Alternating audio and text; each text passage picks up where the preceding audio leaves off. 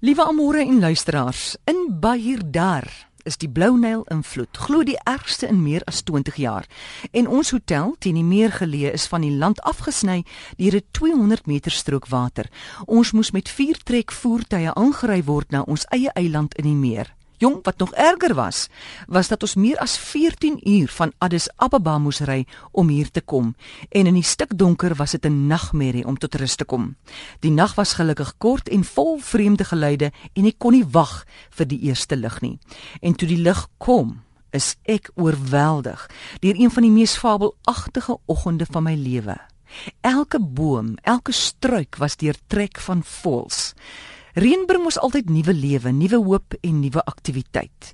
Vinke in die ruigtes het nes gebou en die mannetjies hysteries van testosteroon.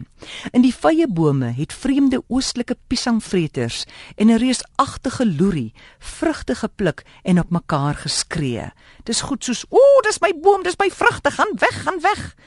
Houtkappers, visarende, pelikane, muisvoëls en 'n sweterjoel onbekende geveerdes het gelyk geroep en gesing. Nog nooit in my lewe was ek al ooit so oorweldig deur 'n simfonie van klank nie. En toe besef ek, man, maar ek is mos in die hemel. Maar wag, nou loop ek my storie vooruit.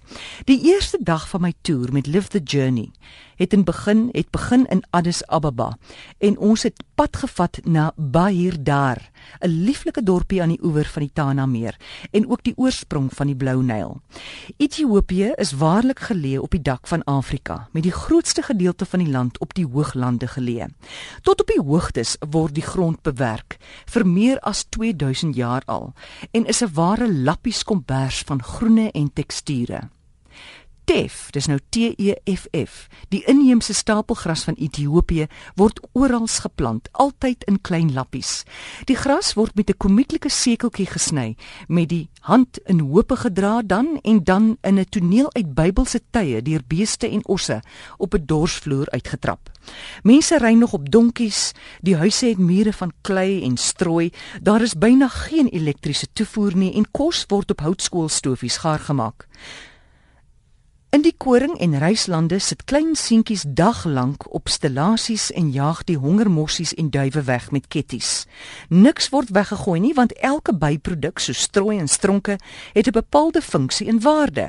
Beddegoed vir diere, 'n komponent, komponent vir bouklei, vloerbedekking of brandstof.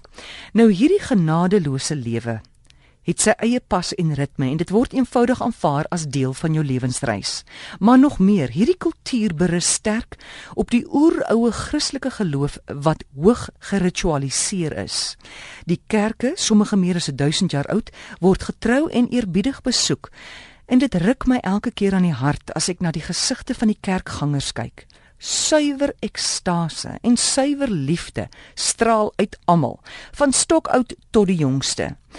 Ons westerlinge sal seker nooit weer by hierdie suiwer en onbevraagde toewyding en godsdienstigheid kan uitkom nie, want ons dink mos ons weet byna alles. En oorrompel deur elektroniese media, losgemaak van die grond en verteer deur gierigheid, is ons eerbetoon 'n leë gebaar. Laatmiddag het ons teen 'n hoogte stilgehou om foto's te neem van 'n skouspelagtige basaal of liewer basaltkolom wat soos 'n monsteragtige vinger teen die eskarp staan. Ek het eenkant gaan staan met my koffiebeker en toe merk ek 'n stuifmeel geelblom in die ruigtes, Rosa abyssinica, die moeder van byna al die rose op aarde.